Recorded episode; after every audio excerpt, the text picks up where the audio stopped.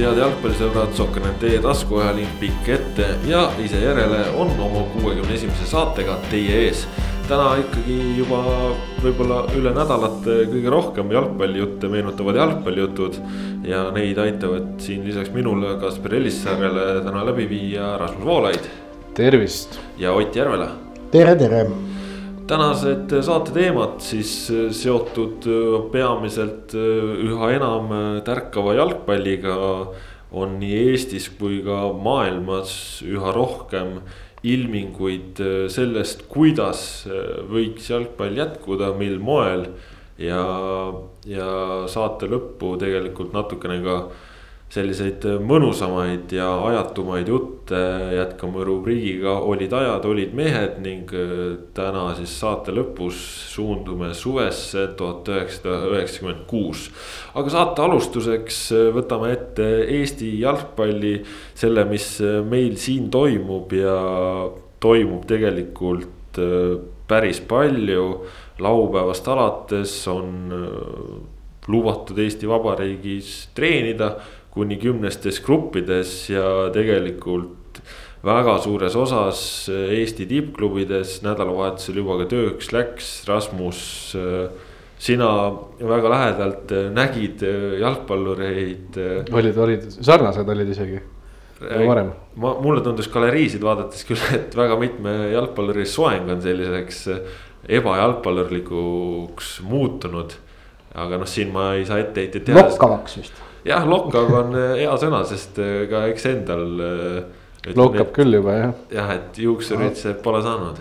no juuksurid on avatud, ma käisin see... poolteist nädalat tagasi, väga mõnus oli no.. ma ka just jalutasin mööda enda juuksurist hiljuti ja vaatasin, et kurat, see on lahti tegelikult et võiks, võiks tegelikult minna küll, see on mingisugune pette, petteteade kuidagi olen, olen endas, endasse sisse lubanud, et, et juuksurid on kõik kinni, aga tegelikult on enamus vist ikkagi lahti. no ma ei tea, kas enamus on, paljud olid ka mingi aja kinni, aga tegelikult minul on väga proosaline põhjus, mul on oma juuksur, keda ma usaldan ja tema töötab Hiiumaal, nii et. aga kas tänasest ei saa minna või? tänasest saab jah, aga näed, ma olen praegu siin ja teen seda saadet, nii et peab natukene hobuseid hoidma.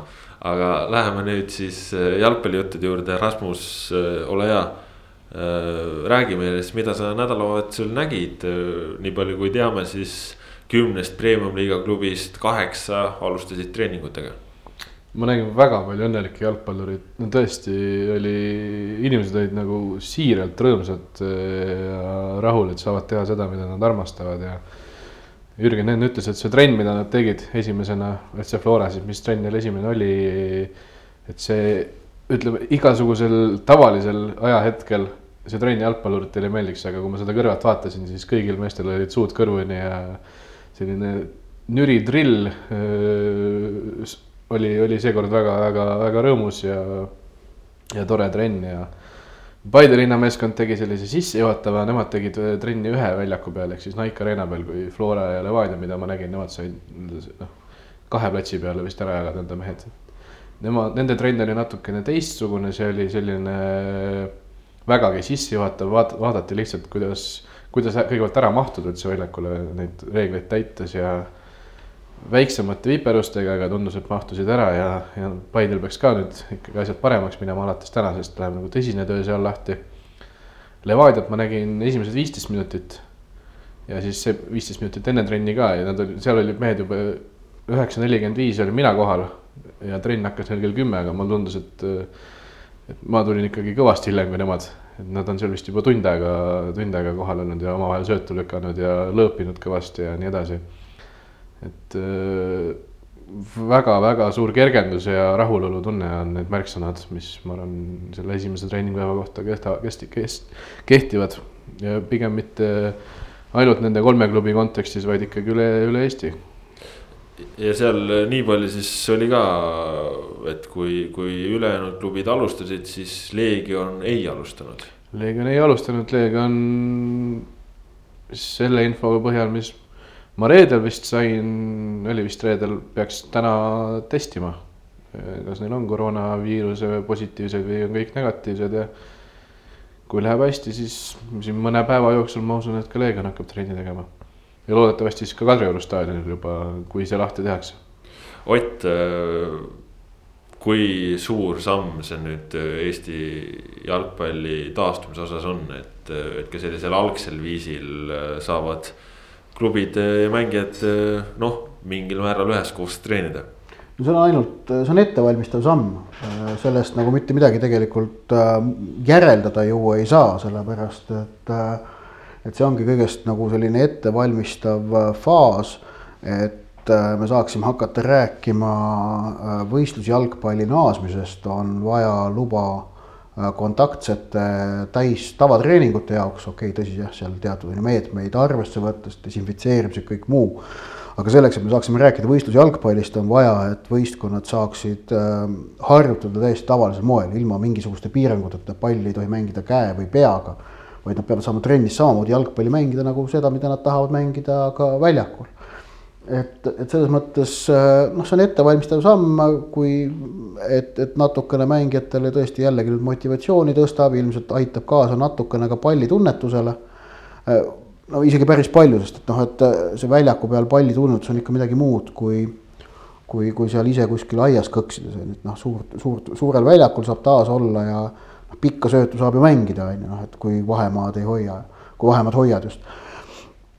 aga tegelikult jalgpallil on ikkagi äh, vaja nüüd seda Eesti jalgpallile, et lubataks tavatreeninguid, millest siis omakorda järgmine samm oleksid juba treeningmängud ja siis võistlusmängud no sina väravavahtide ametiühingu liikmena praegune olukord äh, selles mõttes ju kentsakas, et nendes ühistrennides väravahid käega palli mängida ei tohi, koduhoovis, äh, perekeskis, anna minna. ja et äh, kellel on kodus hea sein, mille vastu lüüa, siis saab püüdmist harjutada, on ju, või, või kui on kui on lähiringis keegi noh, heade oskustega jalgpallur või heade jalgpallioskustega inimene, kes noh, suudab peale lüüa või tegelikult noh, võib ka ju visata, et kodus selles mõttes seda püüdmistrenni saab teha, aga et, et noh, aga see ongi see, et, et eks see ongi ettevalmistav faas äh, on see praegu ja noh, ütleme selja taga on nüüd poolteist kuud või natukene rohkem, umbes viiskümmend päeva pausi. aga noh, rõhutame siiski seda, et premium-liiga väravvaht on, on keskmiselt seda ametit, väravahiametit pidanud siin noh, veidikene alla kahekümne aasta. et noh, see viiekümne päevane paus äh, muidugi selle järel on kerge rooste, aga ega nüüd sellega midagi meelest ära ju ei lähe, et see amet on ikkagi selge. Et nüüd on lihtsalt vajagi seda roostet nüüd maha nühkida, sellised toonustrennid, mida praegu tegelikult ju tehakse, see on selle esimene samm ja siis jällegi, kui on täistreeningud, küll see kõik suht kiiresti jälle meelde tuleb. see, et me näeme koroonakriisi järel esmalt veidikene, kui võistlusjalgpall millalgi jätkub, Äh, nii Eestis kui ka Euroopas kui ka maailmas, et äh, muidugi alguses ilmselt selle jalgpalli kvaliteet äh, ei ole nii kõrge, nagu me oleme võib-olla harjunud sellel konkreetsel tasemel. aga noh, see on ju loogiline, loomulik ja, ja vaevalt see kellelegi mingit probleemi valmistab, kui võistlusi näeb samas äh, see nurk on siin tegelikult ju päris huvitav, et, et kui me selle esimese vooru premium-liiga mängudest nii-öelda välja lõikame, siis tegelikult selline stabiilselt võistlusmänge mängisid Eesti liigas olevad jalgpallurid viimati pool aastat tagasi. ja see on äh, päris pikk aeg ja ütleme, et, et see treeningmäng ei suuda kindlasti imiteerida täielikult äh, seda olukorda, aga seda vaimset nii-öelda pinget, mis on võistlusmängus ja see pool aastat aastane paus praeguseks kõlab ikkagi juba väga-väga pikalt.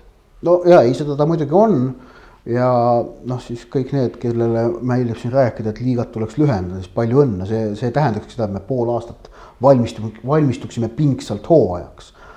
väga hea näide, mille pärast on mõistlik mängida liigahooaega vähemalt kaheksa kuud, heal juhul tegelikult võiks mängida üheksa kuud äh,. ning äh, ning äh, mis puudutab siis jalgpallurite seda mängunälga, siis noh, see on noh, absoluutselt äh, päevselge, ega hooajaks ettevalmistumine kellelegi ei meeldi, see on igav ja tüütu. mängida, võistelda on vaja ja, ja samas praegune olukord on ju ka selle mõttes uus, et kui muidu tippjalgpallis hooajadevaheline puhkus on seal paarist nädalast, noh. heal juhul kuuni, siis praegu me oleme sisuliselt ikkagi kaks kuud olnud äh, individuaalses rütmis.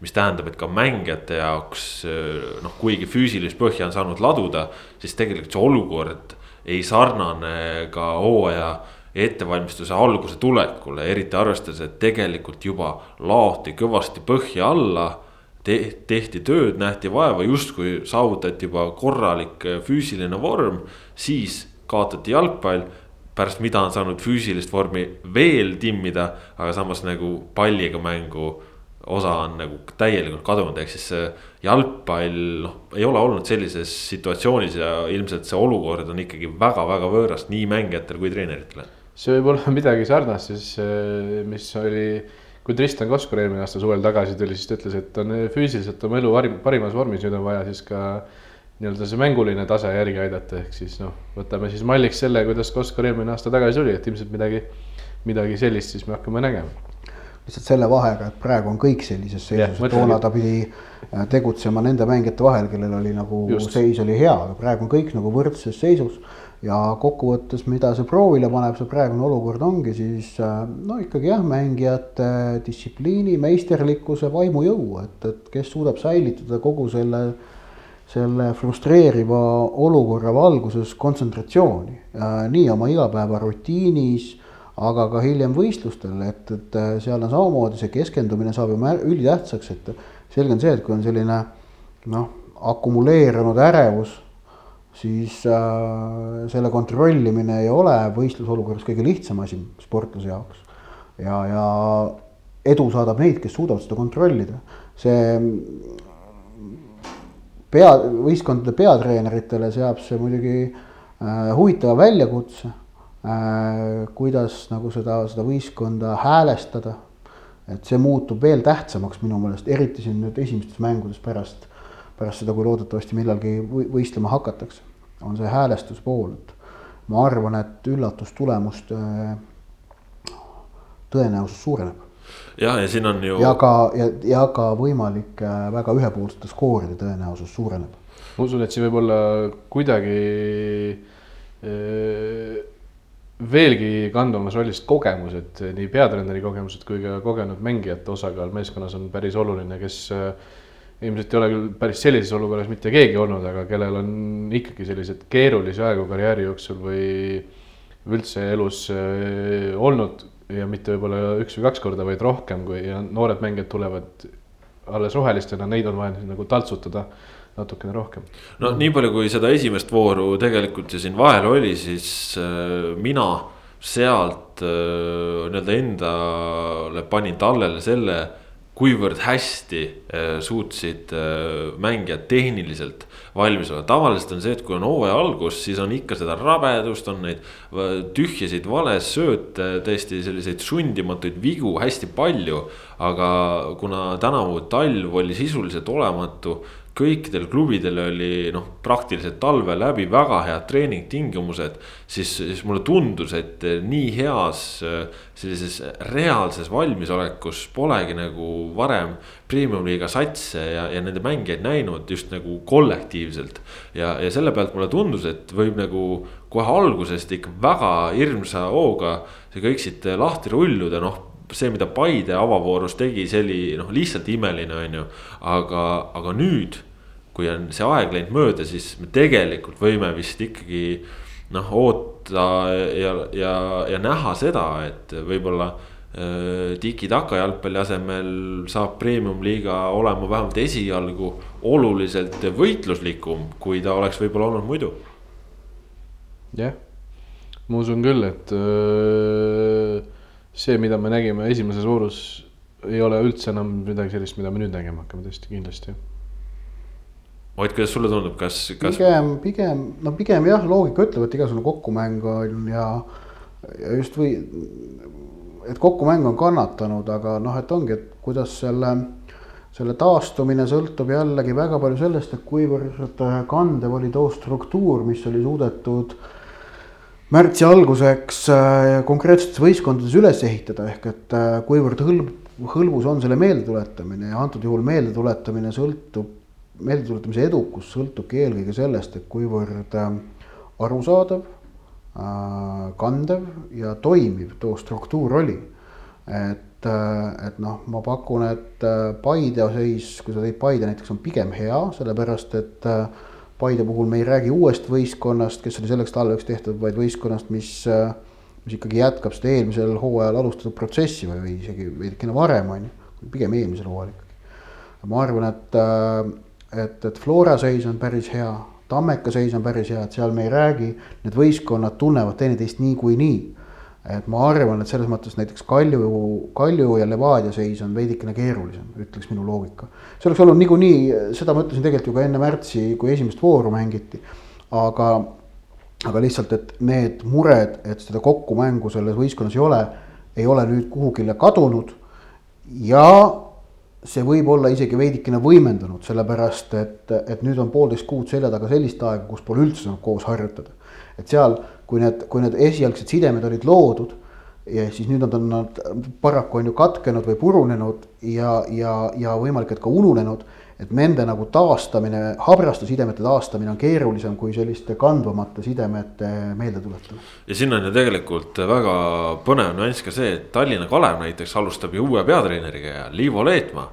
ja, ja tema ei olegi saanud veel ju nii-öelda oma tööd teha varasemalt, nii et nüüd tuleb sellises keerulises seisus. no ta ei ole väljaspoolt tulnud peatreener. seda küll, aga, aga noh. see nagu, ma arvan, see, see nagu noh, aitab kaasa. see aitab kaasa, aga samas ju noh, võib eeldada, et äh, üks-ühele sama, sama mängu ta näitama ei hakka, et äh, iga treener on ikkagi oma käekirjaga. aga Leetmaa tunneb Kalevit ja Kalevi mängijaid äh, täiesti põhjalikult, seal seda, seda, seda nagu probleemi seal ei ole. seda küll jah Ott, mis sa arvad, kui palju läheb äh, Premiumi klubidel aega vaja, et olla mänguvalmis? ei taha öelda, sest ei oska arvata sellist asja. seda, no vot, me, me ei saa, siin ongi, et siin, siin on kõik on nagu niimoodi täitsa nagu huupi pakkumine, sellepärast et võrdle, võrreldavad juhtumid ju jalgpallis puuduvad et sellepärast nagu noh, mida see valmisolek tähendab, selleks, et mängida niimoodi, et vigastusoht oleks äh,, ei, ei oleks ebamõistlikult suur, noh, loogika ütleb, et ma ei tea, paar-kolm nädalat. selleks, et äh,, selleks, et mängida äh, samal tasemel, mis oli saavutatud äh, märtsi alguseks, ma arvan, et rohkem selleks, et jõuda tippvormi äkki vast äh, paar kuud ma ise mõtlesin siin selle peale natukene, et ütleme, et kuigi mängijad on saanud jooksutrenni teha kõvasti ja, ja selles mõttes nii-öelda võhma ja kõike võiks olla, siis ütleme, et kui treeningutega naasta praegu kunstmuruväljakutele ja seda ju osad klubid teevad, mitte need naase muru peale. siis kunstmuru peale tulek olukorras, kus sa oled sellest olnud kaks kuud eemal ja nüüd panna igapäevaste trennidega selle kunstmuru peal, siis ütleme, et liigesed võivad saada päris uutmoodi eh, koormusosaliseks, et noh, kunstmuru, ta, ta on väsitavam kui, kui tavaline muru, ta on põlvedele rõhuvam, alaseljale rõhuvam. et selle nurga alt see võib ka mängijatele olla nagu mõnes mõttes väljakutse, et sa füüsiliselt justkui mootorit on, aga su liigesed on harjunud metsaga ja. Ja mitte sellega, mida pakub kunstmuruväljak, eriti koostöös ütleme, et jalgpalliliste selliste äkiliste liigutustega, et, et siin selline noh, ohukohta nagu on minu arust näha. muidugi neid ohukohti on, aga noh, nende kõigega toimetulemine ongi praegu nüüd äh, sportlaste noh, professionaalsuse küsimus, kuivõrd hästi ja tähelepanelikult suudetakse oma keha kuulata, sellega jälgida. muidugi ohukohti on äh, rohkesti, aga noh, ega alternatiivi ju ka ei ole, kui et naasta just, Rasmus, seda vist võib küll öelda, et noh, kuigi siin kunstmuru mainisin, siis noh, väga kiirelt võime ikkagi pääseda murule ja eelkõige murule, mis on nii heas seisus, kui võib-olla varem polegi olnud, sest noh, esiteks pole olnud koormust, aga, aga teiseks on ka väga soe, soe, soe talv olnud. Pole olnud koormust ega pole olnud talve põhimõtteliselt jah. Nagu me jalgpall naaseb, siis naaseb see murul kahtlemata. no nende, nende eranditega, kes mängiksid niikuinii kunstmurul eelkõige sel aastal vist ainult Nõmme Kalju. kõrgliigas küll jah. jah, just et no need meeskonnad, kes teevad praegu kunstmurul trenni, ma usun, et kui tuleb signaal, et läheme kontaktsetele trennidele üle ja siis läheme nädala-paari jooksul hakkame mängima, siis ma arvan, et ka need meeskonnad kolivad kõik päris murule, seda ka Paide, Paide peatreener Saho Aiko mulle kinnitas, et. Et see esialgu on plaanis esimene nädal, selle teevad veel kunstmuru peal. aga kui, kui läheb, minnakse üle, siis lähevad nemad ka kindlasti üle kohe päris murule vot nii palju siis äh, praegu sellest äh, treeningtöö algusest, äh, sellest, mis nüüd kõik on käima läinud ja, ja mis pakub ka jalgpallisõprade ellu jälle natukene elevust, sest jalgpallurid on oma tavapärasemas rütmis kindlasti ka paljud jalgpallisõbrad, sest tõesti valitsuse otsus ju ei puudutanud ainult kõrgliigat, vaid kõiki sportivaid inimesi ja grupitreeningud kuni kümnekesi on Eesti Vabariigis lubatud, nii et kindlasti ka meie kuulajate seas juba neid jalgpallisõpru, kes on äh, omakeskis, isekeskis saanud sõpradega palli togida. aga sel ajal, kui jalgpalli ei olnud, äh, mõtlesime natukene ka sellele, kuidas seda jalgpalli võistlusmomendi äh, vaest aega täita ja Ott Järvela sina tulid välja päris hea ideega, koroonakarikas kaks tuhat kakskümmend. see on ja, nüüd siin. tähelepanelik kuulaja saab aru, et igaks juhuks panime aastanumbri juurde, kui see koroona hakkab veel korduvaks muutuma, et siis saab karikasarja korduvaks teha. aga eelmisel nädalal äh, see võistlus käima läks ja, ja kuidas sulle nüüd need esimesed äh, võistlused äh, meeldinud on? kas oled üllatunud jalgpallurite teadmiste pagasis või, või mida sina sellest esimestest võistlustest nii-öelda enda jaoks oled kõrva taha pannud? täna oli meil eetris on ju viies veerandfinaal kaheksandik. kaheksandikfinaal, vabandust. et äh, ja noh, nad on tegelikult on ju kõik olnud tasavägised, täna natukene oli, täna ei olnud see, et ei, ei selgunud võitja viimase küsimusega. muidu oli alati viimase küsimuseni ju pinge õhus. et selles mõttes nagu noh, sportliku pinge poole pealt ma olen, olen nagu, nagu väga rahul, et see on nagu läinud niivõrd, niivõrd hästi siis, siis teine asi, mis väga suurt rõõmu on mulle kui selle noh, selle, selle siis noh, selle asja nagu vedajale teinud, on see, et, et mängijate, jalgpallurite nagu selline väga noh, positiivne meelestatus, et noh, tuldi nagu ideega kaasa äh, ja, ja, ja noh, võetakse asja sellise hasardi, aga lõbusa hasardiga, mis ongi minu meelest ainuõige nagu noh, suhtumine sellesse, sellesse teemasse. eks näis, kui seal poolfinaalid, finaal tulevad, siis võimalik, et ma usun, et siis läheb nagu asi nagu teravamaks, sest noh, et see võiduiha ja tahe, ma usun, tulevad ikka sisse. ja, ja siis noh, et, et siis natukene võimalik siis köögi poolt rääkida, mis sinna saatesse välja ei paista, et siis jah, et aus, aus vastus on see, et, et kaheksandikfinaalid, tegelikult mina tean, kes nagu järgmised kaheksandikfinaalid võidavad, et, et need on salvestatud. Teie kusjuures teate, ainult teavad mina ja, mina ja Britt-Maria Tael teame, sest meie Sokrati poolt kahekesti seda projekti juhime, noh, nende osalised ise ka teavad äh, Äh, ja, ja me hakkame siin nüüd lähipäevadel salvestama veerandfinaale, mis siis algavad reedest. Äh, ja, ja noh, nõnda siis võiduka, loodetava võiduka lõpuni välja. Äh, siis, et see, see asi sünnib tõesti selles mõttes, et see, see igaüks omas kodus ju, et, et mina, mina, mina seisan oma magamistoas, arvuti olen pannud. sa seisad või? ja ma seisan. see ei ole sõidulege, ma arvasin, et sa istud ikka. ei, ma, ma seisan, ma olen pannud arvuti sellise, ütleme peaaegu veidikene, ütleme minu umbes minu lõua kõrguse või natuke õlgade kõrgusel asetseva riiuli peale, kus mul tavaliselt on perekonnapildid, need ma olen sealt ära tõstnud, pannud sinna arvuti. perekonnapiltide asemel on siis jalgpallurite pildid. no ma näen, ma näen sealt praegu jalgpallureid ja. see on mõistlik, kui arenguõpe, ma ütleks. eks ole, on ju jah ja, ja, ja magamistoas ma seda seal siin, seal teen ja, ja noh, nagu no olete näinud, siis, siis mängijad ise on ka, et omas, omas kodust igaüks. Saliste ei olnud, Saliste oli, ma saan aru, käskis enda mehed sinna taha seisma panna. Saliste oli, Saliste oli ka omas kodus, aga oli väga vahvalt oli selle plakati endale sinna jah, taustaks pannud, ma juba uurisin, kuidas sa ise saaks ka seda teha, et, et et, et äkki ma näitan ka edaspidi mingit põnevat tausta, äkki näitavad teised mängijad ka, vaatan, kuidas sellega nagu äh, kuidas sellega nagu läheb, aga ja noh, siis üks asi veel, et pagan nende. Teil sümboolselt kuskilt haiglapalat näiteks taustaks või midagi küsimuste väljamõtlemine ja koostamine siis, et äh, see on ikkagi päris vaevarikas olnud jah, et ma noh, esimene ring kahe, kuus korda, kaksteist korda kaheksasada üheksakümmend kuus küsimust oli vaja kaheksandikfinaalideks koostada. üks lisaküsimus läks ka käiku, üheksakümmend seitse küsimust. nüüd teist sama palju on veel vaja umbes teha no pakkusime sulle esimese hooga abikätt ka, kas nüüd varsti hakkad juba selle järele kätt ulatama või on ikkagi ajus veel, veel mõtteid olemas, mida küsida? ei, ei, ma arvan, ei, saab, saab hakkama küll, et see lihtsalt äh, noh, nõuab sellist keskendumist ja, ja, ja. ja noh, seal on ka see, et, et kuna on ju tehnoloogia, mida me kasutame, ei võimalda sellist asja, et esitame küsimuse, kes esimesele vastab, saab punkti ja, ja me tingimata säärast võistlusmomenti ei taha ka tekitada, sest see tekitab noh, noh, meil, meil ei ole selle jaoks reaalselt palju sellist noh, kuldvillaku süsteemi, et kes kiiremini vastab, on ju.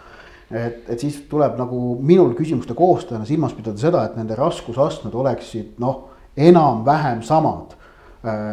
ja noh, see on kahtlemata väljakutse. samas ma vaatan, et, et noh, need skoorid, mis on nagu tasavägised olnud, need siiamaani pigem viitavad, et pigem oleme siiamaani olen, olen nagu hakkama saanud et, ähm, et jah, eks, eks siis näis, kuidas edasi. kui sa oled neid küsimusi ette valmistanud, kas sa oled äh, saanud ka mõne sellise väga huvitava trivia fakti, mis on sind ka ennast üllatanud näiteks või on ja, midagi väga põnevalt meelde jäänud? ja see, see Marko Meeritsa küsimus, Marko Meeritsale esitatud küsimus Curaçao kohta. noh mul ei, e-, ega ma ise seda ei teadnud, see Eloi Ruum on, kelle ta toona välja vahetas, mul see nimi oli isegi meeles, et Eloi Ruum kuidagi. Aga see, et ta Curaçao koondislane on, seda ma ei, nagu ise ei olnud kuidagi seda nagu asju kokku viinud. aga noh, ja see eriti vägev oli see, et, et Marko veel rääkis sinna juurde, ei muidugi ma tean, suhtlen temaga siiamaani, ta on koondise kapten ja puha. et e, eks seal nojah, ja seal on see, et, et isegi kui mõne fakti nagu leiad et siis nagu omaette küsimus, teema jälle see, kuidas nagu küsimuseks vormistada, mis oleks, mis esitaks sellele noh, teadmistele siis ka väljakutse nojah, selle Curaçao küsimuse küll, sa olid sinna mõelnud hulk vihjeid, mõtlesin, et noh kurat, nii keeruline küsimus, panen veel vihjeid juurde, et noh, et. noh, liköör ja genka ja mis iganes seal kõik oli, aga Kariibi meri ja endine Hollandi asumaa, aga aga ei olnud, ei oleks mitte midagi vaja olnud, et Meelis oleks selle niisama ka ära vastanud. mulle meeldiski, sa, Meelis lasi sul viisakalt lõpetada, siis küsis, et mis sa mult tahad, riiki jah, riik on ju see et noh, jah, samas äh, ka loogiline, et kui oled kellegagi koos mänginud, eks võib-olla jääb meelde, noh kuigi ega Ragnar Klavani puhul teame, et ikkagi palju arvati, et ta on Lätist. see vist oli AZ-i aegadel yeah. olnud jah, mitte, aga, aga eks Liverpoolis äkki läks vast juba paremini ja, ja Augsburgis ka, et. et aga noh, seal on ka see, et jah, et noh, et eks väravvahtidel ole sellist kollegiaalsust ka omajagu ja eks seal Meeritsi ruum ilmselt noh, tuli välja, et on, on nagu täitsa nagu hoiavad sidet, et ja noh, muidu ka seal noh, jah, ise, ise nagu neid küsimusi koostades jah, koh-, satub küll mingi hunniku faktide otsa, aga noh, siis ongi jällegi vaja need nagu küsimusteks vormistada. kui palju sul see aeg on äh, võtnud, et, et leida neid küsimusi, kas praegu tuleb nagu lihtsalt või oled pidanud nagu hakkama ka kuidagi väga selgelt kaevuma kuskile?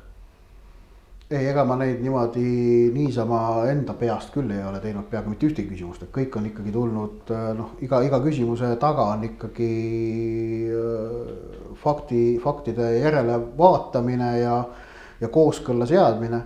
igaks juhuks kohati noh, ka mitmest kohast kontrollimine, kui nagu on selline veidikene hajuvam fakt ja ja samas ongi siis vaja nagu teine mõttetöö, mis on vajalik, on just nimelt see, et kas see küsimus on nagu küsimust väärt kas ta nagu esitab teadmistele väljakutse, kas ta ei ole liiga lihtne, kas ta ei ole liiga keeruline.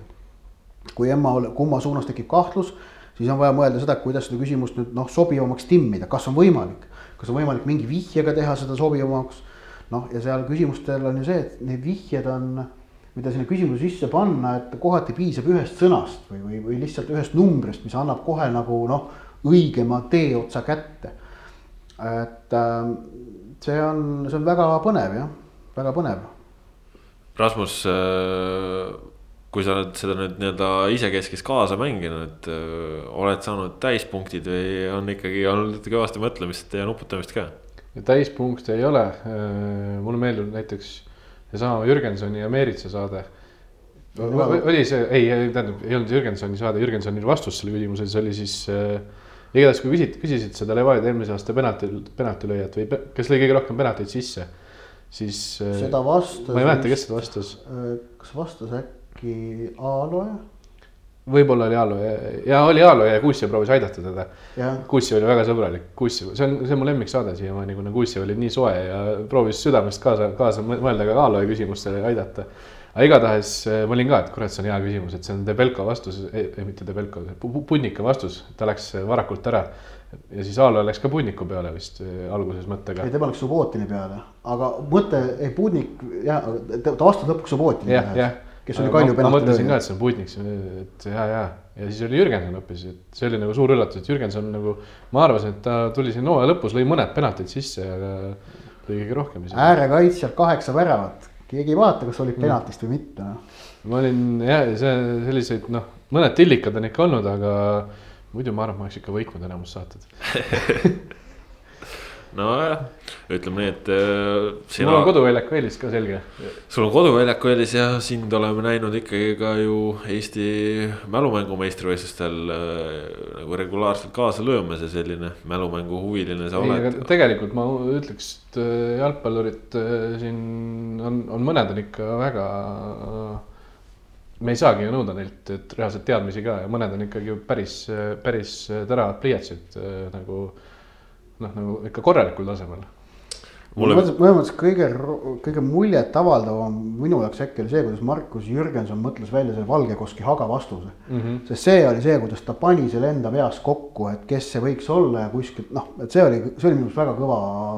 see, see oli üks keerulisemaid küsimusi, mis ma olen küsinud tegelikult, ma arvan sest noh, Haga ei ole tegelikult Soomes mingi väga tuntud klubi no,. samas, samas Twente oleks saanud võib-olla kergemalt ära pakkuda aga, aga mis on selle Enschede Twente nagu minu meelest mitte, sest et Enschede Twentel peale tolle mängu puudub nagu igasugune kokkupuude Eesti jalgpalliga. ei, seda küll. ei see... ole mingit põhjust seda teada, otseselt ta ei, nagu ei seostu kuskilt mujalt. et Haga puhul on see, et Terehovi kunagine koduklubi on ka see ainukene mm -hmm. seos. aga tegelikult noh, mõlemad klubid on ikkagi suhteliselt seosetud Eesti jalgpalliga, et mingit nagu noh, muud seost ei anna nagu mm,, ei ole olemas aga see, kuidas Jürgenson tolle välja mõtles, see oli nagu kõva jah. meeldis. järgmised küsimused läksid tal muidugi natuke tuksi. mulle meeldis Jürgensoni puhul, kui sa küsisid talt seda Sergei Zenjovi, et siis, siis ta, siis ta ütles ühe venna kohta, kes sa, sai selgelt liiga palju palka selle kohta, kui ta väravaid lõi. mulle meeldis, kuidas ta kaevas ja kaevas, aina sügavamale kaevas ja kaevas ja kaevas ja tegelikult Zenjov lebas muru peal, et vastu ära. aga ta oli kuskil juba teisel pool maailma otsa oma kaebamisega, aga siis oligi täiesti kipsi ära tõmmanud ennast vot, ühesõnaga koroonakarikas jätkub meil siin veel mõnda aega, üle nädala, kümmekond päeva suurusjärgus ja iga päev, iga hommik siis kell üksteist äh, uus saade üles tuleb. duellid seal siis käimas, Ott. Äh, homme on, on ju Roman Savtšenko, Sander Kapper, ülehomme Sander Laht, Frank Liivak ja neljapäeval Mark-Oliver Roosnup versus Sander Puri nii et äh, duelle põnevaid mitmesuguseid ja, ja oleme ka neid seni näinud, hea on see, et kes ei ole seniseid vaadanud, võib seda ju probleemideta teha, sest ega need duellid ei aegu selles mõttes, et veerandfinaalideni on veel mitu päeva aega ja. ja selleks ajaks äh, jõuab need ka senine, seni nähtud ja seni peetud duellid järele vaadata, et seal on sihuke kümme-viisteist minutit osa. ma just tahtsin, mõtlesin mingil hetkel küsida, et äh, küsimust, et äh, nimeta Prantsusmaa, kõige rohkem Prantsusmaa meistriks tulnud klubi ja et see vastus on vist nüüd aja jooksul vahepeal muutunud, ma ei ole seda küsimust, ma ei pannud lõpuks sisse. et see oleks olnud Saint-Etienne aga minu arust nüüd see, et BSG selle kohtuga nüüd või no selle tiitli kätte sai, nüüd peaks mõlemal kümme olema nüüd.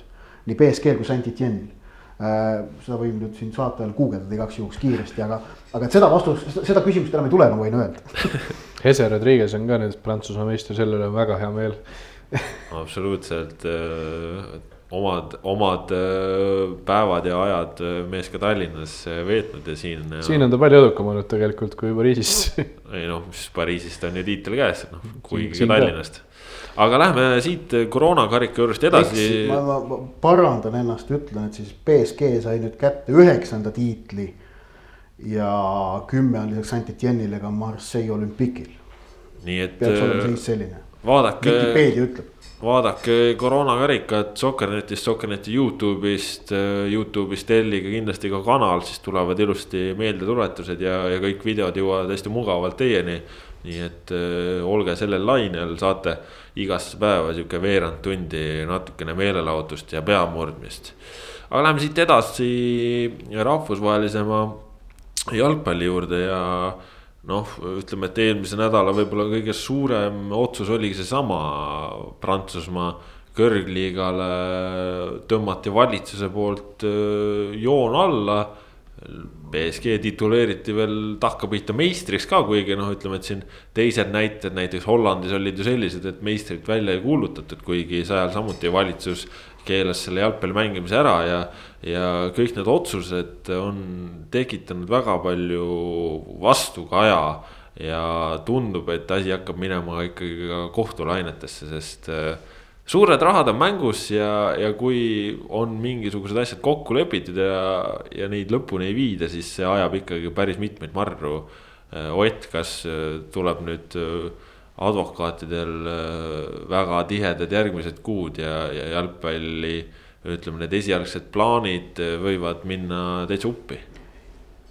jah, no see on see, millest sai tegelikult kohe, kui see koroonaseisak algas, räägitud miks on tähtis võistluste lõpule mängimine, on see, et, et jalgpallis on ikkagi eelmine hooaeg, ei tähendab järgmine hooaeg eelmisest väga otseselt, väga mitmel moel sõltuv ja kuna tulemustest omakorda sõltuvad erinevad rahalised asjad. Siis ja, ja noh, üldse saat-, noh klubide saatused, mängijate palgad, boonused, kõik muud sellised asjad, siis, siis nagu nende tulemuste fikseerimine on väga tähtis ja ja nüüd ongi Prantsusmaal seis see, kus äh, välja kukuvad Amiens ja Toulouse annavad asja kohtusse ja põhimõtteliselt Lyon ka. Lyonil on äh, siis seis see, et nad on praegu nagu tabelis seitsmendal kohal ehk et nemad eurosarja ei pääseks ja, ja. aga samas noh, punktivahed on väikesed ja noh, Lyoni president, äh, kes on Euroopa ja Prantsusmaa jalgpallis väga mõjukas mees, Jean-Michel Aulas, ma eeldan, ma eeldan, hääldasin selle nime nüüd õigesti no,. kes, kes, kellel. kui ei hääldanud, siis Joosep Susi mulle homme. aulas jah, Joosep Susi mulle homme spordireporteris loeb sõnad peale, see on õige ehm, et, et noh, nemad annavad, nemad on, kavatsevad hakata siis põhimõtteliselt noh, protsessima sel põhjusel, et nemad leiavad, et see on ebaaus, et neid jäetakse võimalusest ilma eurosarja jõuda. Ja noh, väljakukkumistsoonis olevad Amiens ja Toulouse arusaadavatel põhjustel ja tegelikult kohtu case idest me räägime juba ka Hollandis, kus siis eelkõige ähm, on vihane, kas oli Kambuur vist või, mis oli see esiliiga, kes esiliigas oli noh, edasipääsu sisuliselt kindlustanud, ta juhtis, edestas kolmanda koha satsi üheteistkümne punktiga, kaks esimest tõusevad otse. Et noh, kindel edasi, ülestõusmine jäävad nüüd sellest ilmast, Holland otsustas hooaja täiesti tühistada. samamoodi ka Utrecht, kes oli, kes jääb eurosarjast välja, kuigi on on äh, tabelis kuuendal kohal, kolm punkti viiendast kohast maas, üks mäng vähem peetud ja karikafinaalis. et, et noh, et äh, vot need on need, äh, need riskikohad, mis tekivad jalgpallile, et noh, et nende, nende hagidega. ma usun, et need klubid äh, noh, nüüd on küsimus see, et äh, kas nad kavatsevad piirduda jalgpalliliste kohtutega või nad lähevad ikkagi nendega tsiviilkohtutesse. no idee poolest on ju see, et noh, et kõik äh, klubid, kes tahavad jalgpallielus osaleda, peavad noh, allkirjastama selle, et nad ei lähe nagu jalgpallikohtutest väljapoole ehk et lõpuks asi jõuab välja TSAS-i spordiarbitraaži. aga ma kahtlustan, et siin on, äh, siin on keeruline ikkagi vältida ka tsiviilvaidlusi, mis võivad sealt kerkima hakata ja need võivad venida aastaid ja hakata tagantjärele kõikvõimalikke asju mõjutama ja, ja see on nagu probleem jalgpalli jaoks. siin on ju tegelikult ka see nüanss, et noh, kuigi siin noh, osad ütlevad, et no mis siis vahet on, et määrame lõppjärjestuse keskmiste punktide arvu järgi ja, ja ongi asi vask. siis tegelikult väga palju on tulnud ju sedasorti kriitikat ka nii-öelda, et aga meie mängud on olnud praegu tugevamate vastastega, meil on näiteks ees ootamas vastased, kes on võib-olla tabelis palju nagu mugavama koha peal, madalama koha peal. ehk siis ütleme, et keskmiste punktide järgi võttes on ikkagi duellid peetud ju erinevate klubidega, et seal on vahe sees, kas sa oled mänginud äh, tippklubidega näiteks järjest neli mängu. või sa oled mänginud äh, järjest neli mängu tabeli tagumise otsa klubidega ja siin ju pole vahet, kas sa oled ise tagumine või esimene, et selles suhtes ebavõrdseid seise ju tekib igal juhul. Just, just äh, see on üks argument, äh, mis räägib nagu oleks mündi üks külg, aga samas äh, on Inglismaal jällegi üles kerkinud nagu teine külg, mis on kui seal käidi välja idee, et mängime neutraalsetel väljakutel, siis juba see ei sobi ka osadele klubidele, näiteks Brightoni argument, miks mitte mängida neutraalsetel väljakutel on see, et aga meil on mängu, ees mängud suurtega, Arsenal, Liverpool, Manchester United ja nii edasi et nendega me tahaks mängida enda kodus, et teised said mängida suurtega juba enda kodus ära, nüüd saavad nagu lihtsamate vastastega mängida neutraalsetel, et see, see on ka jällegi ebaaus osade poolest. minu meelest on see bullshit, et Brighton ja teised seal seda asja protsessivad, et äh, see, et äh, tingimused, kus mängitakse, on äh, erinevad tavapärastest, see on paratamatus. fänne niikuinii ei, fänne niikuinii ei ole ja see on paratamatus praegust olukorras, selle vastu ei saa aga noh, nende taotlus tegelikult, noh see tagamõte on ka nüüd välja tulnud juba siin päev hiljem, kui pärast seda Brightoni juhatuse esimehe seda juttu. eesmärk on see, et eh, Premier League'ist ükski klubi välja ei kukuks, et seal tänaste BBC teadete järgi mingi kuus-seitse klubi on mõelnud, et me võime mängida küll, aga ainult siis, kui väljakukkumise ohtu ei ole, et, et. et noh, teeme järgmine aasta kasvõi noh, teeme kakskümmend kaks või kakskümmend kolm satsi Premier League'i või mis iganes. ehk et äh, tahetakse vältida seda, seda pauku, mis kaasneb sellega, kui sa Premist välja lendad ja no see on nahaalsus ja see on ja, ja see, et ja kui ma ütlesin, et, et muutunud äh, tingimused sellel määral on nagu paratamatus, siis selle võistluspinge ärajätmine ei ole kaugeltki mitte paratamatus, seda pole üldse vaja teha, selle jaoks puudub igasugune vajadus. Selle järgi, et tuleb mängida fännideta või tuleb mängida neutraalsetel väljakutel, see on, see on vältimatu aga see, et sa selle väljakukkumise ohu välja ära jätad, see ei ole vältimatu ja sellepärast seda kindlasti ei tohi ka teha.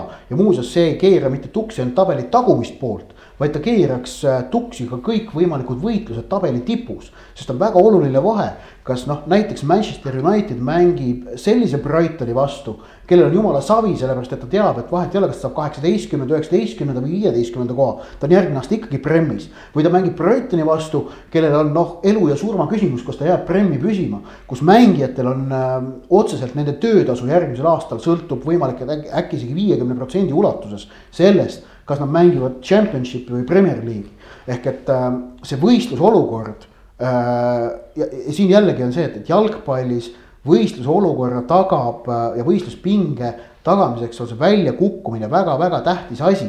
Äh, see, see, see aitab minimeerida tühjade mängude hulka ähm, ning, äh, ning, ning, ning, ning sellepärast ongi seda vajalik nagu hoida no jalgpallihooaegade lõpuni mängimine ilma selleta, et keegi kukuks välja või, või võidaks tiitlid, oleks ju totaalselt mõttetu, sellel polekski ju pointi. ja, aga nende Premi, nende tagumistuse klubide mõte on see, et ei, tiitel mängib välja eurosarjade kohad ka, aga lihtsalt teeme niimoodi, et keegi mm -hmm. välja ei kuku. no see on mu arust lihtsalt järjekordne näide sellest, kuidas ürit, üritatakse olukorda ära kasutada enda kasuks omamata. ma arvan, West Ham see..., West Ham juhib seda võitlust seal, seepärast kes see muu on no selles mõttes, et aga noh. teised ka, aga West Ham, see kõlab nagu täpselt nagu West Hami retoorika ausalt. see on, see on täpselt selles mõttes äh, selline olukord, et äh, mida me oleme ka rääkinud, et mis tulebki, et kriisi hakatakse enda kasuks ära kasutama ja nüüd ja. ongi.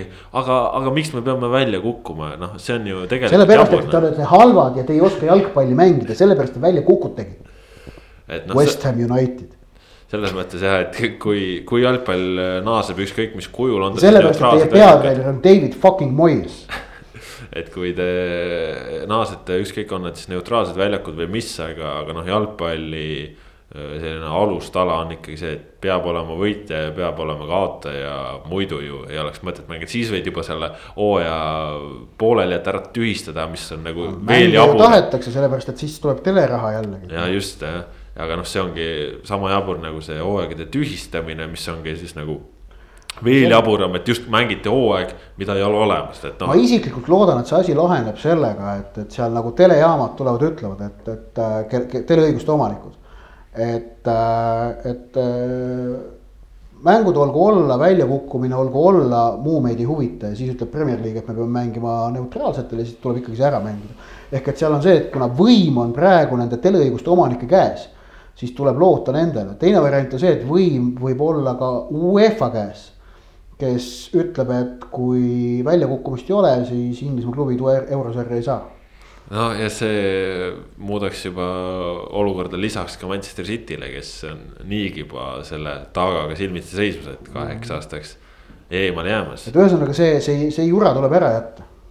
kuulge, Kaspar, sa tõid juba jutuks selle, et äh, mängiti hooaeg, mida ei ole ma käisin sel aastal ühte Hollandi liiga mängu vaatamas, kas ma nüüd käisin ikkagi või kuidas ma peaksin selles mõttes seal ju lõpp, sa käisid Hollandis jalgpalli vaatamas, aga, ja see tulemus fikseeriti, aga see ei läinud arvesse mitte mingil moel lõpuks. selles mõttes äh, selle nurga alt ei, et ju paremusjärjestus seal ju tegelikult fikseeriti ja selle alusel äh, määratakse ka kohad ka eurosarjadesse pääsejad, samas tõsi, meistrit ei selgitatud välja ja järgmiseks aastaks on ju tagatud see, et keegi sealt. Just. aga statistikas, no ütleme näiteks väravalööjad ja nii edasi, need said endale statistika said, numbrid. ilmselt ma arvan, jäävad. Ei, see seal said, sest noh, seal oligi nagu liiga nii-öelda lõpetati, mitte ei tühistatud, et tühistamine on nagu veel jaburam samm, aga noh.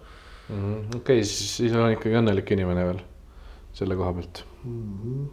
Vot, aga läheme siit siis edasi, eks saame näha, kui palju neid vaidluseid tuleb, mis kujul, no on selge, et äh, raha on see, mis neid äh, vaidlusi dikteerib, on nad siis äh, kas eurosarjadest kõrvalejäämise tõttu, on nad liigasse püsima jäämise mitte tõttu või püsima jäämise tõttu. igatahes neid rahaasju on palju ja, ja on vihaseid ka tõesti siis mitte ainult liigades, vaid ka neid, kes altpoolt tahavad tulla. Ja, ja selle nurga alt tõesti siin noh, ilmselt ka UEFA ja FIFA peavad öö, midagi välja mõtlema, et tekiks mingisugune ühtne süsteem, mille alusel lähtuda. siinkohal tahan, tuleks, oleks asjakohane Fifat, UEFA-t kiita, kes on siiamaani nagu vähemalt nende sõnumid siiamaani antud teemal on olnud nagu väga õiged. et nad on rõhutanud jah, vajadust äh, sportliku õigu-, õigluse järele ning see mulle ka UEFA poolt väga meeldis, et kui nad ütlesid jah, et kui ei ole võimalik äh, liigasid lõpuni mängida, siis peab äh, otsustama mingil sportlikul põhimõttel, kuidas on ju kvalifitseeruvad klubid eurosarjadesse, aga UEFA jätab endale õiguse need kas osaliselt või täielikult tagasi lükata, kui see neile ei meeldi. see on väga hea. see on see, et äh, ei, ei saa iga kuradi ma tuhajuhan seal hakata mingit oma jura ajama, vaid, vaid tuleb teha nagu nii, et on olemas kontroll, vähemalt on olemas mingisugunegi kontroll ka riiklike mehan- jalgpalliliitude üle praegu. Rasmus, kas sa oled samal meelel? ja, ja kuidas sulle nüüd teile enne, kui ma siin ütlesin küll, et juba hakkame asja lõpetama, aga, aga kuidas sa sellesse muidu suhtud, et, et praegu ongi valitsused need, kes, kes tõmbavad äh, vutile piiri peale, et on see, on see vältimatu? see on väga huvitav, sellepärast et äh, mina teadsin ka kogu aeg, et äh, Prantsusmaal on nii, et äh, põhimõtteliselt spordiminister ütles, et lõpetame ära selle asjaga. Lyoni avalduses oli kirjas, et et tegelikult vaadates spordiministri viimaseid kommentaare, mis lubasid suletud uste taga mängima, mäng, mängida, et tundub, et Prantsusmaa jalgpalliliit tegi nagu ennatliku selle otsuse. et ma kogu aeg nagu teadsin, et, et nagu Prantsusmaal otsustati riiklikult see asi ära lõpetada, aga tuleb välja, et ikkagi liiga tegi selle otsuse. no mis sa arvad, kas näeme BSG-d kuskil Kataris mängimas meistrite liigat? ma, ma tahaks loota, et kuskil regulatsioonides on punkt, mis ikkagi keelab seda, aga ma ei ole kindel ja ma loodan, loodan, et ei mängita.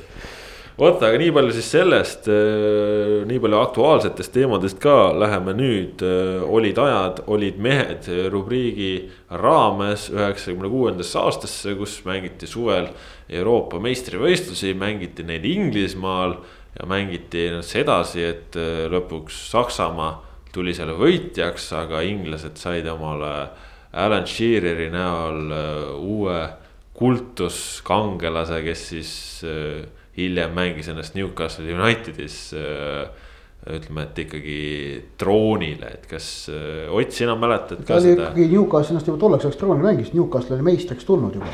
aga kas ta, Newcastle tuli samal kevadel meistriks minu meelest. aga kas ta ei liitunud äh, Newcastle'iga pärast aa ah, jaa, just ta, see võis küll olla jah, jah. ta pärast, oli, pärast siis ta oli veel Blackburn. vabandust, ma olin Newcastle ei tulnudki meistriks, vaid ta oli Blackburniga meistriks tulnud. just, just jah, ja siis ta läks Newcastle'isse jah, õige, nii.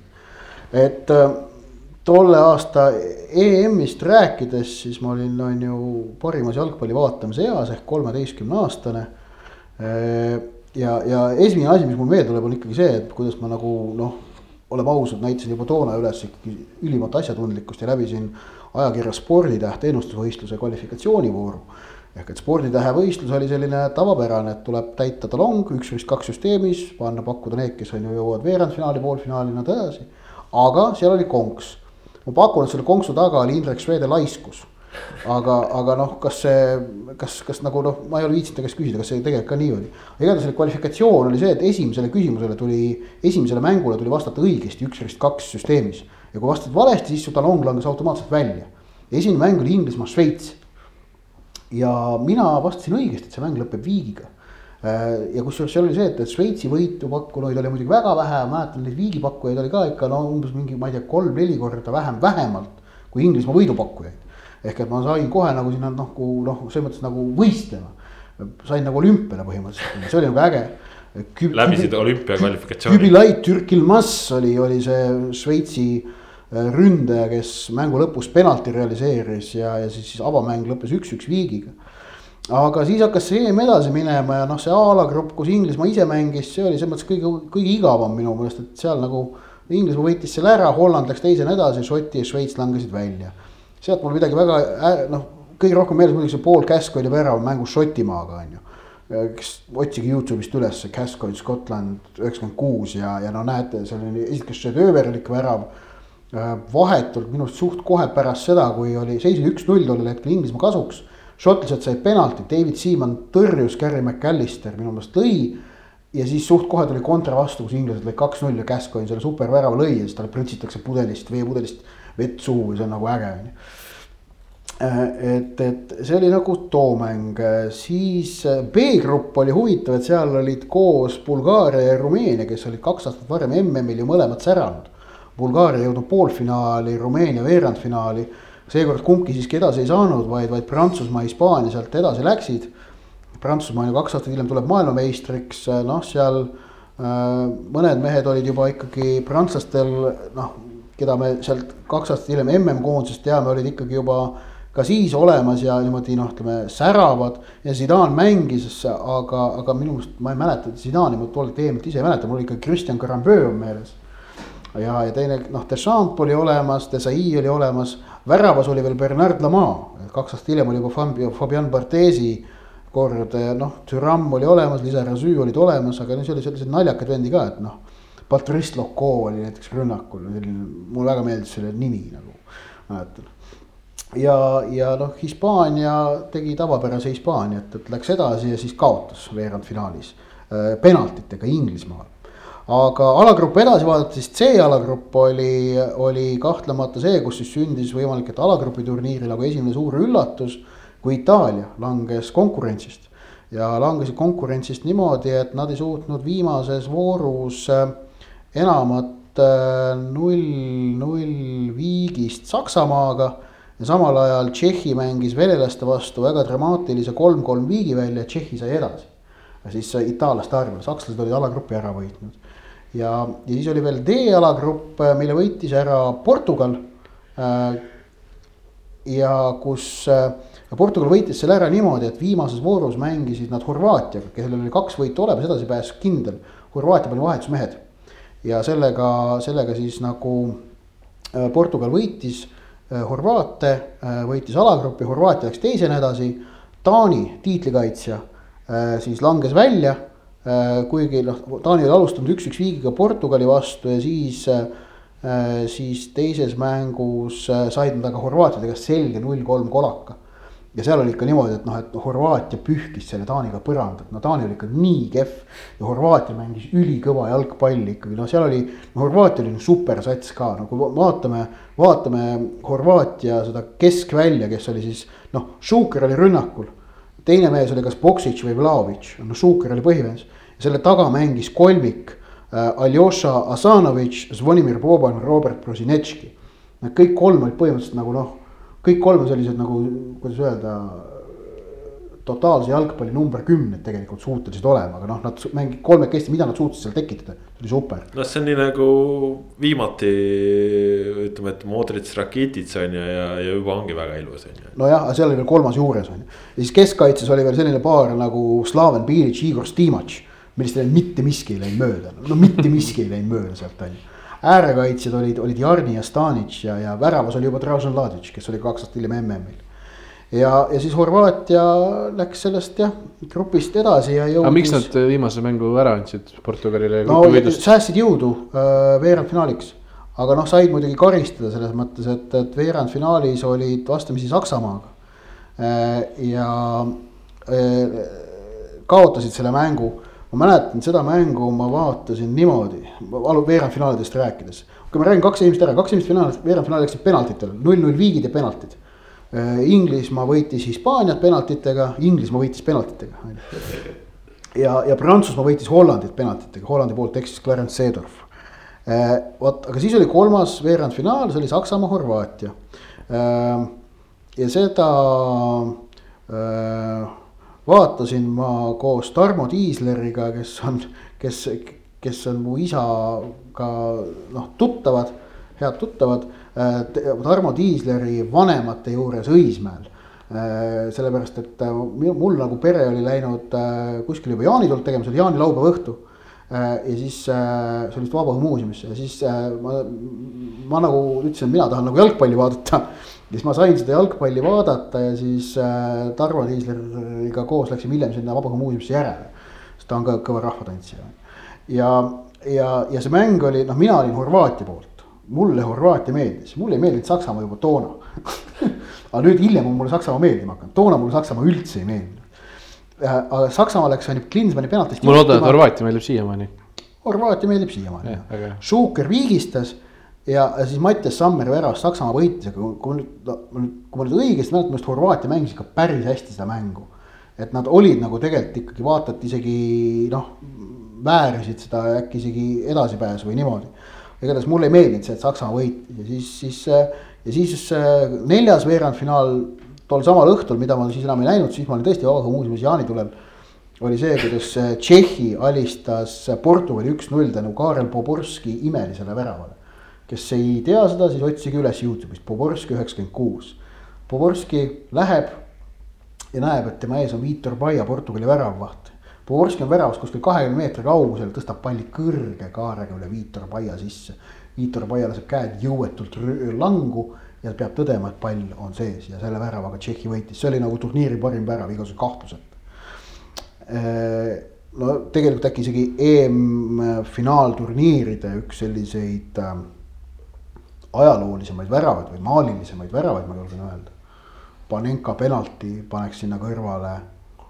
Ja, ja see Poborski värav ikkagi on, see, see nagu väga-väga eristuv värav. poolfinaalid äh, olid, läksid samuti mõlemad penaltitele, esmalt äh, Prantsusmaa, Tšehhi, need mäng-, Prantsusmaa mängis teise null-nulli järjest. ja siis sai, sai, sai tappa, penaltid olid niimoodi, et äh, penaltiseerid olid kusjuures identsed ka, et mõlemas oli penaltiseer lõppes seis kuus-viis ja, ja niimoodi, et ainult üks eksimus. prantslaste poolt eksis mingi kuradi Pedros, oli mingi huvitava nimega Reinald Pedros, minu arust kaitsja. Tšehhid olid kõik kuus sisse. tšehhide keskvälja trio oli siis Pavel Nedved, Patrick Berger, Karel Poborski oli see, see nagu nende see kandev jõud ja kõik need vennad realiseerisid penalti ka ja teine poolfinaal on siis see legendaarne poolfinaal, Wembley'l Saksamaa, Inglismaa, kus mm kus, kus inglased läksid kohe Sheareri väravast juhtima, aga Stefan Kunts viigistas suht nobedasti. Ja siis mängiti, mäletan kõik lisaajad, tuletan meelde, mängiti kuldse värava reegliga tollel EM-il, esimest korda kehtis kuldse värava reegel. ja veerandfinaalis kaks lisaaega väravateta, poolfinaalides oli üks lisaaeg juba mängitud väravateta. nüüd oli neljas kord, otsiti kuldset väravat ja noh, seal oli ikkagi ju Paul Gascoigne üliülilähedal sellele et oleks nagu varbaküüned olnud ära lõikamata, oleks ta, oleks ta inglased äh, Äh, finaali viinud. noh, oli vaja põhimõtteliselt nagu pall värava eest tühja, tühja väravasse lükata, aga ei ulatanud lihtsalt. minu arust seal lisal oli veel variante, käis minu arust latis ja postis ka, aga lõpuks oli penaltiseeria ja. ja kuues paar otsustas Andres Möller, ei esmalt lõi Gareth Southgate. Äh, ja lõi niimoodi, et noh, sita penalti lõi ja Köpke võttis ära äh, väravas.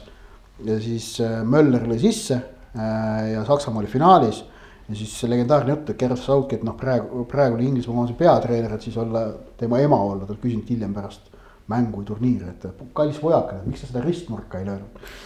mis on hea asi, mida küsida oma pojalt. vot, et finaali jõudsid seega siis Tšehhi ja Saksamaa. ja finaali asus äh, Tšehhi juhtima äh, Patrick Bergeri penaltist.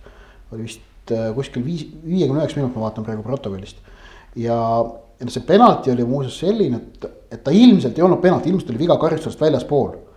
aga huvitav, aga noh, see oli nagu niivõrd nahaalne külm viga. ma ei mäleta, kas Tokso reeglit äkki toona veel ei olnud, et, et punast kaarti igatahes ei tulnud. kuigi noh, see oli viimase mehe, viimase lootuse viga. igatahes punast kaarti ei tulnud. kes iganes selle vea tegi seal, äkki isegi kollast ei tulnud, tuli ainult penalti. Ja, ja Berger lõi selle väravasse, äkki talle endale tehti ka see viga, aga siin ma võin eksida ja siis sellele vastas äh, Saksamaa peatreener Berti Vogts umbes kümme minutit hiljem sellega, et tõi väljakul Oliver Bierhoffi. ja tõi ta Mehmet Scholli asemele ehk et siis poolkaitse asemele tõi ründaja. ja Saksamaal oli muuseas see asi ka, et Saksamaal oli päris tõsine vigastuste kriis. et seal oli põhimõtteliselt enne finaalmängu oli, oli jutt, et esiväravaht oli Andreas Köpke. Varuväravaid olid minu meelest üks oli Kaan ja teine oli äkki selline nimi nagu Oliver Rekk või Äh, oli, võis, võis äkki olla. igatahes mul on meeles nagu jutt, et põhimõtteliselt enne finaali oli Vogts uurinud varu väravavahtidelt, et kui te peate väljakul mängima, siis mis positsiooni eelistate. sakslastel oli nagu noh, ja, ja minu meelest lõpuks andis, kas anti vist mingi eriluba mingi üks või kaks mängijat ikkagi välja vahetada. siis neil oli näiteks see, et kohe avamängus Jürgen Kooler neljateistkümnendal minutil, meeskonna kapten põlve, põlv, põlv puru ja noh, turniir läbi ja neil seal ikka juhtus seal turniiri jooksul veel ja veel neid asju et, et igatahes Bierhoff minu meelest ei olnud nagu tollel turniiril varem üldse väga palju platsile saanud või, või igatahes ta nagu ei olnud nagu silma paistnud minule. ja, aga siis ta tuli ja otsustas mängu ära, esmalt lõi viigivärava ja, ja siis lisaajal lõi ka kuldse värava, et, et. Et mis oli siis jalgpalli ajaloo suurturniiride minu meelest esimene kuldne värav. seal muidugi oli, minu arust oli see topelt rikošett oli see kuldne värav et äh, Piirhoff jõi, siis võttis ühest Tšehhi kaitsjast võttis kindlasti jalast rikošeti. äkki võttis kellegi peast veel ka mingi riivaka ja siis Peeter Kuuba väravaht sai käed ette, aga kätest ikkagi pall põrkas posti kõrvale sisse ja, ja vsjo ja Saksamaa oli Euroopa meister. ja siis sai kõik koheselt, kes nagu natukenegi jalgpallist aru said, said kohe aru, kuivõrd halb mõte kuldne värav ikkagi on et noh, kui noh, et noh, mis mõttes me lõpetame lisaaja üheksakümne kuuendal minutil ära, et noh, see ei ole jalgpallilik. aga kahjuks läks veel aega. Äh, kolm järgmist suurturniiri mängiti ka kuldse väravaga, kaks tuhat neli oli see hõbevärav ja kaks tuhat kuus ei olnud enam kumbagi, et selles mõttes oli nagu. Läks natukene aega, kuni see teadmine pärast, minul jõudis kohe, mida kuradit noh see oli jah huvitav, huvitav reegel, aga no ütleme, et ongi, kuigi sakslased äh, võitsid äh, selle EM-i. siis tegelikult äh, ütleme, et turniirile lisasid värvi ikkagi eelkõige tšehhid, prantslased ja, ja kodus mänginud inglased, oled sa nõus sellega? prantslastega ei ole nõus. Prantsusmaa, ta võitis mõlemad, ta, ta mõlemad, tema mõlemad play-off mängud olid sada kakskümmend minutit null-nulli mis pagana värvi nad visasid seal, täiesti hmm. mõttetu. tegelikult ka nagu, et äh, pigem visas värvi Portugal, Horvaatia, Tšehhi, Inglismaa.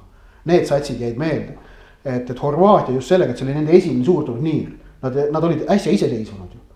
et, et nad, nad said noh, nad üheksakümne neli MM-ile valiksarjas nad ei osalenud veel ju. Nad esimest korda mängisid valiksarjas, jõudsid kohale, jõudsid veerandfinaali ja see oli see noh, nende ikkagi väga, no see oli see nende tõeline kuldne põlvkond, et see, mis praegu MM-il finaali jõudis, see polnud nii kuldne kui see, mis toona oli Horvaatial. Äh, Portugal oli, olid sellised noh, värvikad mängijad, noh, kui sul on ründetuo, Joao Pinto, Joao Pinto. sellised vennad, noh, see, see nagu tekitab sellist ohoh, noh sellised vennad on seal. Rui Costa mängis äh,, Paulo Sousa mängis, Fernando Couto oli noh, oma selle pahmakaga, afropahmakaga oli keskkaitses Viitor Paia oli väravas, need olid sellised mängid, kes jäävad meelde. Figo unustasid üldse ära praegu. ja Figo unustasin ära, just. ja, ja noh, Inglismaa muidugi äh, ja noh, tšehhid jah, sellega, et nad jõudsid finaali ja ka noh, ikkagi see Berger äh,, Nedved, Poborski keskväljade viga. kui ma otsisin vahepeal välja Bergeri penaltile eelnes Poborskile tehtud viga ja ei andnud, ei antud kaartigi. aa, okei okay,, no vot jah et noh, kui sa vaatad praegu seda nagu, kui sa vaatad seda praegu korduses, siis see on noh. kui okei okay,, praeguste reeglite karjustada sees, siis on kollane, kui karjustad väljaspool kindel punane kaart, et noh. et huvitaval kombel seal jah midagi ei antud aga noh, selles mõttes ka huvitav, et on, kuna inglased äh, ju võõrustasid seda turniiri ja jõudsid poolfinaali välja, siis tegelikult sihuke huvitav detail, et finaalil oli ju, oli ju vähem pealtvaatajaid, kui oli poolfinaalis ja tegelikult ka vähem, kui oli veerandfinaalis Inglismaa mängus, kus nad siis ongi ju hispaanlased nende penaltitega alistasid, et ütleme, et inglased olid ikkagi väga nii-öelda suunatud sellele vaatele, et kodus see turniir kinni panna ja, ja Garrett Southgate jäi ikkagi päris pikaks ajaks mustaks lambaks jah, jäi küll ja, ja no eriti valusaks tegi kogu selle asja see, et nad ikkagi sakslastele kaotasid. see oli ju sama, mis kuus aastat äh, varem MM-i äh, poolfinaalis. siis saadi samamoodi Saksamaa käest penaltitega ja nüüd, nüüd, nüüd taas.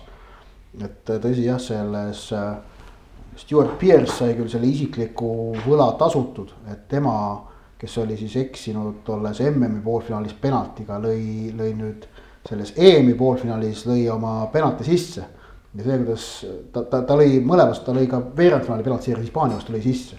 see, kuidas ta siis röökis, siis noh, see on kindlasti tüüline psycho on ju. Äh, aga, aga jah, et see, see Saksamaale kaotus, see oli ikkagi see, et ma arvan, et ma arvan tagantjärele, et kui inglased oleks kaotanud kellelegi teisele. mingil muul moel poleks üldse nii hull olnud, aga et said, said penaltitega jälle, jälle Saksamaalt kodus. noh, see nagu, see ei olnud, seda ei suudetud seedida ja noh, see Lightning Seedsi laul, mis tolle EM-i eel ja esimest korda tegelikult mhm. tehti, see Thirty Years of Hurt või Football's Coming Home oli tegelikult see. et noh, see nagu Thirty Years of Hurt, see, see pikenes ja sellest tehti üheksakümmend kaheksa uus versioon on ju, ja. ja nüüd tegelikult seis on see, et nüüd kaks tuhat kaheksateist MM-il lauldi seda endiselt. veel jah ikka veel, ikka veel, nüüd on viiskümmend kaks aastat on möödas. järgmine aasta on siis viiskümmend viis, kui EM-finaalturniir on no väga raske on näha, et äh, järgmine aasta võiks Inglismaa midagi sellist äh, suuta ka, et äh, noh, muidugi, eks, eks saa näha, aga tõesti. Alan Shearer siis selle üheksakümne kuuendal aastal oli turniiri parim väravkutt ja kui me enne. või see, kui sa enne ütlesid, et ta oli siis Blackburn Roversiga vahetult enne tiitli võitnud, võitnud siis tegelikult isegi aasta varem, et, et tol aastal ta lihtsalt palju väravaid ja, ja kuigi MM-i, vabandust, EM-i suurim väravkutt ta lõpuks viie väravaga oli, siis Manchester Unitedi pakkumistest ta ikkagi keeldus ja. normaalne jah. ja, ja, ja, ja valis Newcastle Unitedi, kus ta siis Toomas Vara lemmikuks sai. ma mõtlesin korraks selle peale ka, et äh, see inglaste ja sakslaste vaheline see sai uue peatükiga veel eelmisel kümnendil, kaks tuhat kolmteist oli vist meistrite liiga finaal Londonis kus osalesid kaks Saksamaa klubi. Bayerni Borussia jah, ega see ka noh. ilmselt ei sobinud inglaste stsenaariumisse väga hästi. meeldivam asi alla neelata jah aga... vot, aga nii palju siis sellest teemast, olid ajad, olid mehed järgmisel nädalal taas teie ees, aga enne veel, kui saatele täitsa lõpu alla tõmbame ja, ja pidulikult äh, asjad lõppenuks loeme, siis Ott Järvela on meil ka ikkagi täna tagasi ja Ott Järvela üllatusrubriik äh, ka sellega seoses tagasi, nii et väike meelelahutus Oti rubriigist siia saate lõpetuseks. Ott, mida sa meile täna pakud? Need on siis see laulusõnade ettelugemine ja noh, paistab, et Enn Euro on siis seekord bänd, mille ühte hitti tuleb tsiteerida. ja kas jätad üllatuseks laulu nime või? no see tuleb suht kiiresti välja aga palun, Ott Järvela, eeter on sinu päralt. umma, umma, tšaka, tšaka, umma, umma, tšaka, tšaka, umma, umma, tšaka, tšaka. umma, umma, tšaka, tšaka, umma, umma, tšaka, tšaka, umma, umma, tšaka, tšaka, umma, umma, tšaka, tšaka, umma, ma. Ma tulen metsast siia paika, ei mitte laitma, vaid aitama Te oma peaga võtnud luua liite, nii hukatusse viite, ent kiirelt ratata. on parem elu meil, on magus metsaleib ja rabades ning soodes lauldakse nii hei. Tšaka, tšaka, ma valinud nüüd sinu, sa oled suur ja ilus, nii näitab praktika. Tšaka, tšaka on Malle leidnud Kalle ja Mari leidnud Palle läbi tšaka taktika no nii võib äh, öelda vist, et äh, on ka nüüd äh, jalgpallurid ja, ja Kalled ja Malled üksteist nüüd leidnud jalgpalliplatsidel küll kahemeetriste vahedega, aga vähemalt äh, on meil nüüd elus taas midagi loota, midagi oodata. selline oli pikk ette ja ise järele kuuekümne esimene saade, saate teid teieni Kaspar Elisser, Ott Järvela ja Rasmus Voolaid. püsige meiega ikka, vaadake koroonakarikat ja kõik tähtsamad jalgpalliuudised ikka Sokkernetist, adjöö